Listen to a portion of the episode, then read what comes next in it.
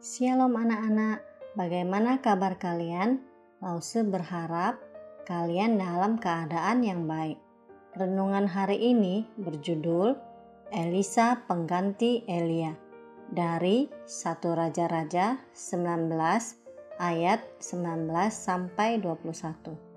Anak-anak, kita sudah mendengar tentang Nabi Elia bagaimana Nabi Elia percaya dan melayani Tuhan dengan memberitakan firman Tuhan kepada bangsanya dan juga Raja Ahab. Kini saatnya Tuhan memilih pengganti Nabi Elia karena Nabi Elia sudah tua. Kira-kira siapakah penggantinya? Apakah kalian mau menggantikan Nabi Elia? Suatu hari, Nabi Elia pergi ke sebuah tempat di sana ia bertemu dengan seseorang yang bernama Elisa yang sedang membajak sawahnya menggunakan lembu. Nabi Elia mendekati Elisa dan ia melemparkan jubahnya. Kenapa ya Nabi Elia melempar jubahnya? Ternyata pada zaman itu ketika seseorang melemparkan jubahnya itu adalah tanda bahwa Nabi Elia ingin supaya Elisa mengikuti dia. Wah, saat itu Elisa sangat senang.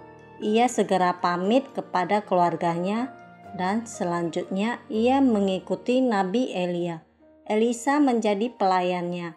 Elisa dipilih oleh Tuhan untuk menggantikan Nabi Elia. Elisa dengan senang hati mengikuti Nabi Elia untuk melayani Tuhan. Bagaimana dengan kita, anak-anak?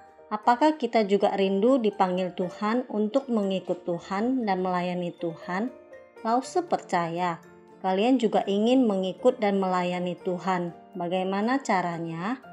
Dengan kalian rajin berdoa, mendengarkan firman Tuhan, dan mengikuti ibadah sekolah minggu, itu sudah menunjukkan kalian mengikut Tuhan. Dan Lause percaya Tuhan pasti sangat senang karena kalian sudah mengikuti Dia. Lalu, bagaimana cara kita yang masih kecil ini melayani Tuhan? Kita bisa berdoa untuk orang lain atau menceritakan tentang Tuhan Yesus kepada teman kalian. Dan tentu saja yang paling penting adalah sikap kita yang menjadi contoh bagi yang lain.